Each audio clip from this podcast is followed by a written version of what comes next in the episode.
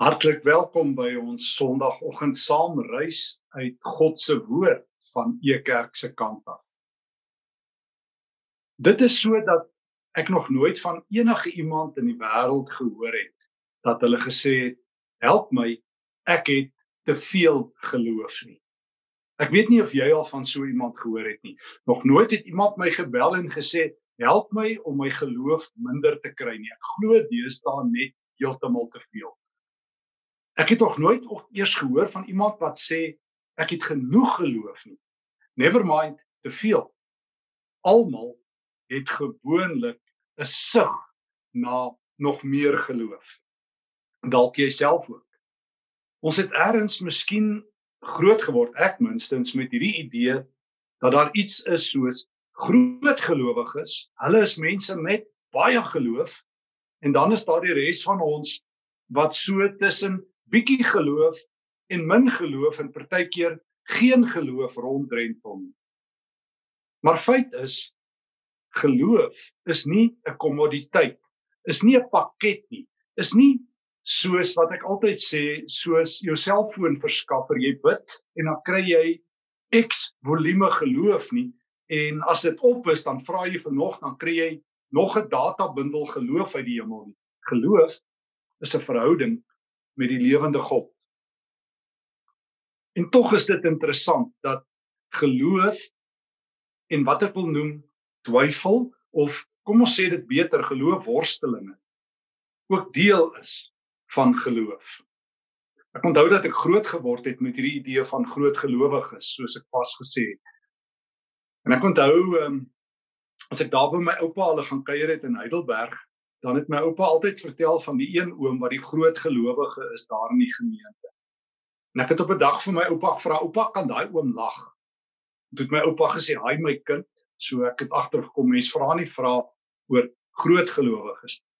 Maar ek het op 'n dag tog vir my oupa durf waag om te vra, "Nou wat is 'n groot gelowige, oupa?" Toe sê hy vir my, "Hulle gaan reguit hemel toe." Nou dit het my nog minder gehelp. As 'n kind het ek gedink ons gaan in sulke sirkels dan lyk vir my. Maar van groot gelowiges gepraat. Ek wil jou vandag nooi vir 'n paar oomblikke om saam met my stil te staan by die drie kat van wie die Bybel praat. Die drie gelowiges wat in die Bybel en God se woord die hoogste erkenning kry as die mense wat hemel en aarde as te ware geskuif het. Ek wonder of jy sommer vinnig by jouself kan dink, wie sal dit wees? Wie is die drie reuse geloofshelde, die drie groot gelowiges van die Bybel? Nommer 1, Abraham. Abraham. Abraham word geroep op ouderdom 75 uit Ur van die Galdeërs. Jy ken dit, Genesis 12. En vir 25 jaar loop Abraham 'n pad totdat God se belofte aan hom waar word. Dis 'n harde pad. Ek wou nie graag in Abraham se skoene gewees het nie, het ek al gedink. Om op ouderdom 75 te hoor jou vrou gaan 'n kind hê terwyl haar biologiese klok al uh, lankal ophou klok het. En uh om in die onbekende in te stap vir 25 jaar op 'n belofte af. Hm, dit vra geloof. Hoe dit ook al sê, ek sluit saam met jou aan in Genesis 17. Ek lees in vers 1: Toe Abraham 99 jaar oud was, het die Here aan hom verskyn en vir hom gesê: Ek is God, die Almagtige. Lewe naby my en wees opreg. Ek sal my verbond met jou sluit en baie, baie mense uit jou laat voortkom. En toe Abraham op sy knieë geval. Nou is die hele hoofstuk 17 as te ware God aan die woord wat vir Abraham vertel hoe hy 'n groot nageslag sal hê. Hoe hy ehm um, soos die sand van die see al sy kinders en kleinkinders sal wees. En hoe hy sy vrou Sara hier se naam moet verander na Sara. En dan hoor ek in vers 17. Toe het Abraham op sy knieë geval en hy het gelag. En hy het gedink, kan daar vir 'n man van 100 'n kind gebore word of kan Sara wat 90 is 'n kind in die wêreld bring, toe lag Abraham vir God. die groot geloofsheld, die man van alle manne, die ou wat hemel en aarde beweeg in sy krisisoomblik lag hy vir God spottend. En dan terwyl hy lag dink hy nou moet ek God help nou het hy so 'n noodplannetjie vers 18 en Abraham het vir God gesê as Ismael maar net in u plek uh, uh in u teenwoordigheid kan lewe Here kom ons twee erken nou maar u en ek dat uh my vrou gaan nie kinders hê op hierdie ouderdom Maar ek het 'n plan vir u om u uit die verleentheid te red. En dit is die plan van Genesis 16. Wat van my slavin se kind? Wat van Ismael? En dan dan is die Here ontstel en dan sê die Here in vers 17 vers 18 uh nee jou vrou Sara hier sal 'n kind hê en jy moet hom Isak noem Yitzchak in Hebreëus hy het gelag omdat jy vir God gelag het, jou geloof self sal jou kind jou daaraan herinner. Abraham, die vader van gelowiges, die rots, die man op wie wêreldgodsdienste nog steeds gebou staan, uh menslik gesproke. Abraham twyfel saam met sy geloof. Ek wil jou uitnooi na 'n volgende geloofsheld, want ons kyk na drie groot geloofshelde wat ook maar lyk dit vir my voete van klei gehad het wanneer die krisis opgedaag het. Wonder of jy weet wie is die ander groot geloofsheld uh of die tweede een? Job. Job. Job kry 'n getuigskrif wat ehm um, wat amper maak dat en God en Satan saamstem een keer oor die feit dat Job Godvreesend is. Nie oor die redes nie. Daaroor verskil God en Satan. Maar ek lees in Job hoofstuk van 'n hemelse besoek van die Satan, een van die ehm um, vier kere dat hy in die Ou Testament genoem word. Uh jy weet mos Satan is nou nie so gewild in die Bybel soos wat hy in die kerk is nie. Maar dis 'n ander gesprek. Hy kry waarskynlik vandag meer aandag. Satan bedoel ek in die kerk reg oor die aarde is wat die Bybel aan hom gee. Maar Satan verskyn hierso voor God se troon in Job 1. En dan sê die Here vir Satan in Job 1 vers 8 en my dienaar Job het jy hom raak gesien? Sy gelyke kry jy nie op die aarde nie. Hy is vroom en opreg. Hy dien my en hy vermy die kwaad. Toe sê satan dis nie sonder rede dat hy u dien u seën hom dan. Job kry by God die getuieskrif daar is nie 'n gelowige op hierdie aarde soos hy nie en dieselfde um, tipe gesprek tussen Satan en die Here gebeur in Job 2. En dan vanaf Job 3 tref hierdie geweldige siekte en swere en elende Job. Al sy kinders sterf, hy verloor al sy rykdom en uiteindelik sit Job op 'n ashoop of en hy krap homself met potskerwe om die infeksie wat op sy lyf is uh onder beheer te hou. En dan bars Job los. Job 16 is van die hardste hoofstukke in die hele Bybel, van die grootste gelowige op aarde wat vir God sê, nou het God my teenstander geword. Een van die hardste woorde, Job 16 vers 9. Hoor net, God het my in sy toorn verskeur en vervolg. In sy woede het hy my lewe bedreig. Hy my teenstander deurboor my met sy oë. God het my uitgelewer. Vers 12. Ek het rustig gelewe. Toe versteur God my rus. Abraham, die man van alle gelowe of almal se geloofsvader wat vir God lag. Job, die man van wie God sê, daar is nie iemand soos hy nie. Wat uiteindelik sê God is my vyand, my teenstander, my opponent.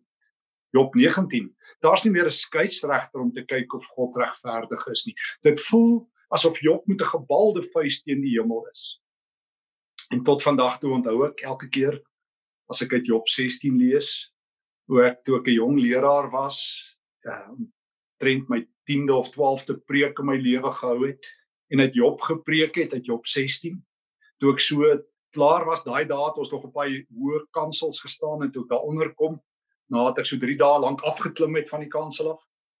Toe wag die oom vir my en hy sê vir my Boetiekie, as jy nou ooit weer so disrespekvol oor die Here praat, ek sal jou hierdie keer oorsien, maar dan gaan ek jou aankla. Ek sê oom, wat het ek gedoen?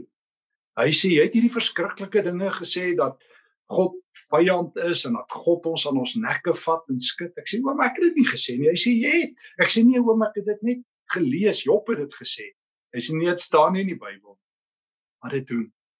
Die oom het so 'n week gevat om van die skok te herstel toe hy agtergekom het dit staan in die Bybel. Want ons verwag dit nie van groot gelowiges nie, jy sien. Jy verwag hulle moet rotse wees en dalk verwag mense dit van jou ook. Die rots wat nooit wankel nie. En dan ewe skielik dan kom mense agter jy klei voete. Jy twyfel ook maar. Soos Abraham, die man van die Here, lag jy so bietjie, wonder jy so bietjie. Hulle vertel van moeder Teresa in haar memoirs uh, na haar dood dat sy gesê het 1 jaar wonderwerke en hoeveel jare se twyfel en stoei. Dit is Martin Luther wat geskryf het die groot man wat so eerlik was dat daar dae is dat hy God net mooi nêrens sien nie. En dis Job genadiglik gryp God in sy lewe in. Genadiglik los God nie vir Job nie want ons is besig om 'n geheim te moet ontdek wat het gemaak dat hierdie ouens groot gelowiges bly uh, was en bly net 'n oomblik saam met my. Uiteindelik uiteindelik praat God praat God met Job. Openbaar hy homself aan Job. Lees ek in Job 42 nadat die Here sy hart vir Job gewys het. Nadat hy sy almag en sy deernis te gelykertyd gewys het. Jy kan dit lees in die vorige hoofstuk nadat God die hemel oop, die ritsluiter van die hemel oopgemaak het en gesê het, "Job, kyk hoe lief is ek vir my skepping." En dan wil jy sê ek het jou gelos. Maar Job, weet jy ook ek is die almagtige, ek is nie jou speelmaat wat jy links en regs kan opdrag en beopdrag en soos die Hollander sê, summons na die hof toe wanneer dit jou pas, wanneer jy dink jy kan God aankla nie. Dan antwoord Job, nou weet ek, Job 42 vers 2 dat hy tot alles in staat is. Ek het oor dinge gepraat vers 3 wat ek nie begryp nie. U wonderdade was te groot vir my. Vers 5 tot nou toe het ek net gehoor wat mense van u sê, maar nou het ek u self gesien en nou verag ek myself. Nou sit ek in berou, vol berou in sak en in as. Die derde gelowige. Ons sê vir mekaar daar is nie eintlik regtig iets soos groot geloof nie.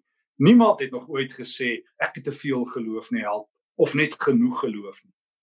En die sogenaamde groot gelowiges van wie God sê hulle die wêreld verander, Abraham en Job, het ook hulle twyfel gehad. Maar ons gaan nou sien wat het gemaak dat hulle nog steeds aanhou glo het, maar daar's 'n derde gelowige wat waarskynlik selfs 'n nog groter getuigskrif van die Here kry as wat Job en Abraham kry. Miskien die grootste gelowige wat ooit geleef het. Ek wonder of jy weet wie dit is. Ek blaai na Matteus 11 toe. Jesus sê die grootste man wat nog ooit geleef het op die geloofsfront. Kom ek lees vir jou. Matteus 11 vers 1 vers 2. Johannes die Doper het in die tronk gehoor wat Christus alles gedoen het. En toe het hy deur sy volgelinge boodskap gestuur om vir hom te vra: "Is u die een wat sou kom of moet ons 'n ander een verwag? Hoor nou mooi. Is u die een wat ons as die Christus beskou?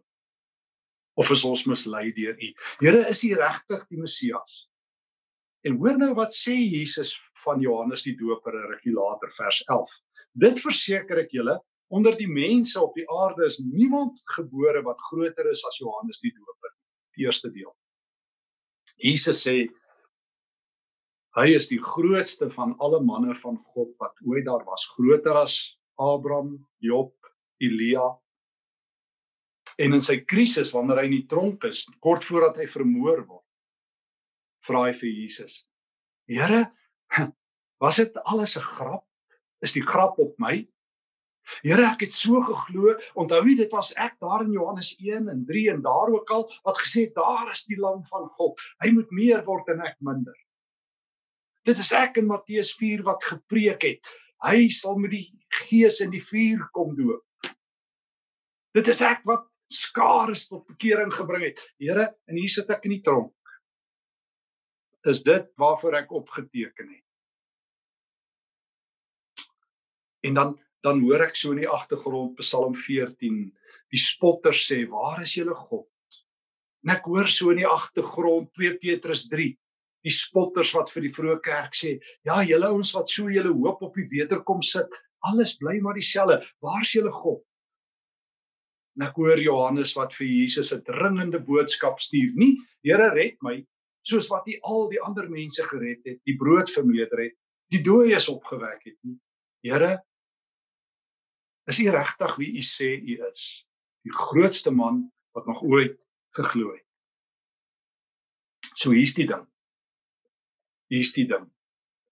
Geloof of jy nou die doper is of jy Job is of jy Abraham is of jy ver oggend uit jou huis in Pretoria of in Kaapstad of uit Ontario 'n deel is van hierdie reis. Weet jy wat? geloof is stryd geloof kos aanvegting en deel van geloof is worsteling en twyfel en 'n klein bietjie ongeloof maar daar's 'n verskil daar's 'n verskil en nou moet jy dit hoor nie een van hierdie manne het hulle twyfel hulle klein geloof vir hulle self gehou nie hulle het dit na God toe gevat. En dis die geheim. Hier's die geheim.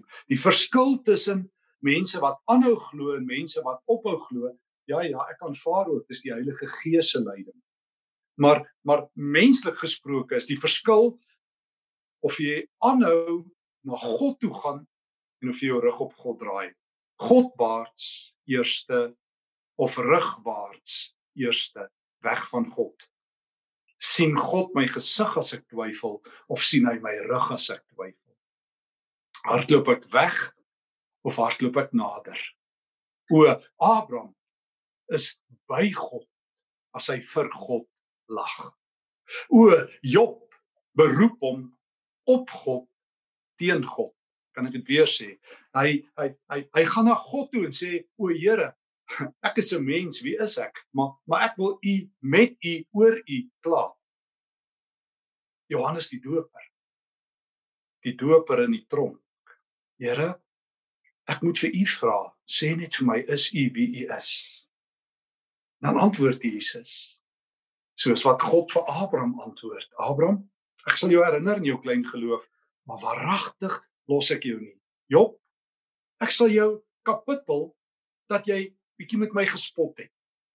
Maar ek gaan jou nie los nie want jy het na my toe gekom al die pad aanhoudend. Jy het nie weggeloop. Jy het nie jou rug vir my gedraai nie. God wil nie mense se rug sien nie. Hy wil hulle gesig sien. God soek nie vlugtelinge nie. Hy's op soek na soekers. Ja, ek weet, ek weet en ek het dit al baie gesê. Ons is beter vlugtelinge as soekers vra maar vir Adam en Eva. Maar die kuns van ware geloof en twyfel en swaar kry is om aanhoudend na God toe te gaan. Om nie so sommige mense jou rug op God te keer en oor hom te gaan skinder en sê ek is nou klaar met God nie. Hoe ek hoor dit baie. Ook in hierdie corona tyd. Waar's die Here? Voordat Job dit met sy vriende bespreek het, het hy met God gaan bespreek. Voordat Johannes die Doper in die tronk moed opgegee het, het hy na Jesus toe gevlug. Na antwoord Jesus. Vers 4 van Matteus 11 gaan vertel vir Johannes. Blindes sien, lammes loop, malaatses word gereinig, dowes hoor, dooies word opgewek en aan die armes word die evangelie verkondig en gelukkig is elkeen wat nie aan my begin twyfel nie. O geloof. My gunsteling definisie wat ek al so baie gesê het is die van Eugene Peterson. Faith is a long obedience in the same direction. Geloof is 'n lang gehoorsaamheid in God se rigting. Here, hulle kan my kinders vat, my geld vat, my gesondheid vat, my grond vat, maar Here, hulle sal U nie uit my hart uitruk nie. Here, U hou my vas en ek klou aan U vas. Van my, van U moet U weet, gaan U van my af nie maklik wegkom nie. van my gaan jy nie ontslaa raak nie. Geloof is 'n plek van worsteling. Nee nee, twyfel is nie 'n uitkampplek nie. Ons gaan volgende week as die Here wil daaroor praat. Maar maar maar maar dis nie my identiteit dat ek twyfel nie. Ek is nie maar net 'n ou gebroke sondaar soos wat baie kerkmense dit wil sê nie. Daar bestaan nie sulke taal in die Nuwe Testament gebroke sondaar, gefalle sondaar, begenadigde sondaar nie. Nee, nee, dis nie 'n uitkampplek nie. Ek lê nie in my sonde nie. Ek lê nie in my gemors nie. Ek hardloop na die Here toe. Miskien is miskien is Psalm 63 die manier. Miskien vertel Psalm 63 hoe jy 'n groot gelowige is met jou twyfel en alles. Psalm 63 vertel die baie bekende woorde wat ons almal so goed ken van van die wildspok wat in wat smag na waterstrome hoor net. Dis dalk die taal van 'n Job, die taal van 'n Abraham, dalk jou taal. Ek soek U, o God. Ek dors na U. Ek smag na U soos in 'n dor en 'n droë land, 'n land sonder water. Ek wil by U in die heiligdom wees om daar U grootheid te mag ondervind. Ek soek na U, Here. Ek dors na U. So jy sê saam met die disippels in Lukas 11, Here gee my meer geloof. Jy sê saam met uh, Abraham, Here, ek vertrou U al vir baie jare en ek wil eintlik baie keer net 'n bietjie lag. Jy sê saam met Job, Here, baie keer voel U dit voel U vir my so ver soos my teenstander. Jy voel saam met Johannes die Doper, Here, is my geloof nie te vergeefs nie. Nee. Nee. Jy sê saam met Paul Paul Altaus, die groot teoloog van die Tweede Wêreldoorlog, ek weet nie aldag of ek glo nie, maar ek weet in wie ek glo. Ek soek U o God, my God. Ek skree na U. Partykeer voel dit my gebede slaan teen die dak vas, maar ek weet een ding. God los nie gelowiges nie en dit is die verskil. Luther kon deur sy twyfel werk. Moeder Teresa kon haar twyfel aan die Here se voete neersit. En daarom daarom is klein geloof en twyfel nie 'n uitsluiting of 'n kansellasie van geloof nie. Vat jou twyfel na die Here toe. Vat jou seer kry na sy voete toe. Soek na God. Klop aan God se deur. Dit is geloof om gelowig na God te soek. Want soos wat ek na God soek met my twyfel, kom hy na my toe. Hoe hy beloof nie antwoorde op my vrae nie. Dit het die kerk my verkeerdelik geleer. Toe maar jy sal later verstaan. Die Here sê dit nie. Hy sê jy sal my vind. Wie my soek, sal my vind. Ek soek na U. O sê die Here, ek het jou eerste gesoek. Ek hardloop na U toe. O sê die verlore seun se pa in Lukas 15 vers 20. My arms is waawyd oop vir jou. Jesus het gekom soos die goeie herder. Daar is geen donkerte sê ek altyd te donker dat hy my nie kan opspoor nie. O wanneer Christus my gekoop het, het hy my reg verwys. Weet hy presies waar ek is. Ek wil afsluit. Ys Collins skryf 'n boek in 2003 oor ehm um, die agtergrond van al die groot Amerikaanse hymns, al die liedere, die verhale wat daai ou groot hymns geskep het. Hy vertel van 'n man met die naam Joseph Scriven, gebore in 1819 in Ierland. As 'n jong man raak Joseph uh, verlief op 'n dame kort voor hulle dood. Trouwens letterlik die aand voor dit, ag kort voor hulle troue. So die aand voor hulle troue. Uh, val sy verloofde van 'n perd af en sy verdrink. Joseph se hart is so gebreek dat hy emigreer na Kanada toe en daar begin werk. In Kanada raak hy verlief op 'n dame. En kort voor hulle troue kry sy kanker en sy sterf. Dit breek skriwend se hart in so 'n mate dat hy kies om die res van sy lewe te spandeer om vir armes te sorg, om hy gee al sy besittings weg en hy begin houtkamp en vir armes kos gee. So arm is hy dat toe die nuus na hom toe kom dat sy ma gesterf het, hy nie eens geld gehad om haar te gaan besoek nie. Maar hierdie man van die Here, hierdie groot gelowige wat so klein was deur deur vir armes kos te gee, skryf 'n lied om aan sy ma te dink. Kan ek dit vir jou lees? Jy ken dit. Hierdie man wat alle teenstand gehad het, twee vroue aan die dood verloor het, sy moeder wat sy lewe op die hardste moontlike manier uh, geleef het deur deur hout te kap en armes daarmee te versorg en eers geld gehad het vir sy ma se begrafnis om dit te gaan bywoon. Hy skrywe: What a friend we have in Jesus. All our sins and griefs to bear. And what a privilege to carry everything to God in prayer. Oh, what a peace we often forfeit. Oh, what needless pain we bear, all because we do not carry everything to God in prayer. En wat daarop volg. Is jy discouraged? Is there trouble anywhere? We should never be discouraged. Take it to the Lord in prayer. Jesus knows our weakness. Take it to the Lord in prayer. Voel jy jy te min geloof? Join the club. Voel jy God sien jou nie raak nie? Hy doen. Vra vir Abraham. Vra vir Job. Vra vir die doper. God kom na ons toe met genade. Kom ons bid.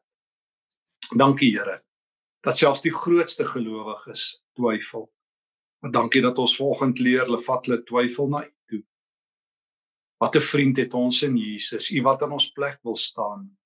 U wat al ons laste op U skouers dra. Dankie Here dat dat ons twyfel ons nie wegvat van U nie. Dankie Here Jesus dat ons dit aan die voete kan neersit saam met Johannes die Doper, saam met Job en saam met Abraham. Saam met Psalm 63 roep ons uit Here ons smag na U.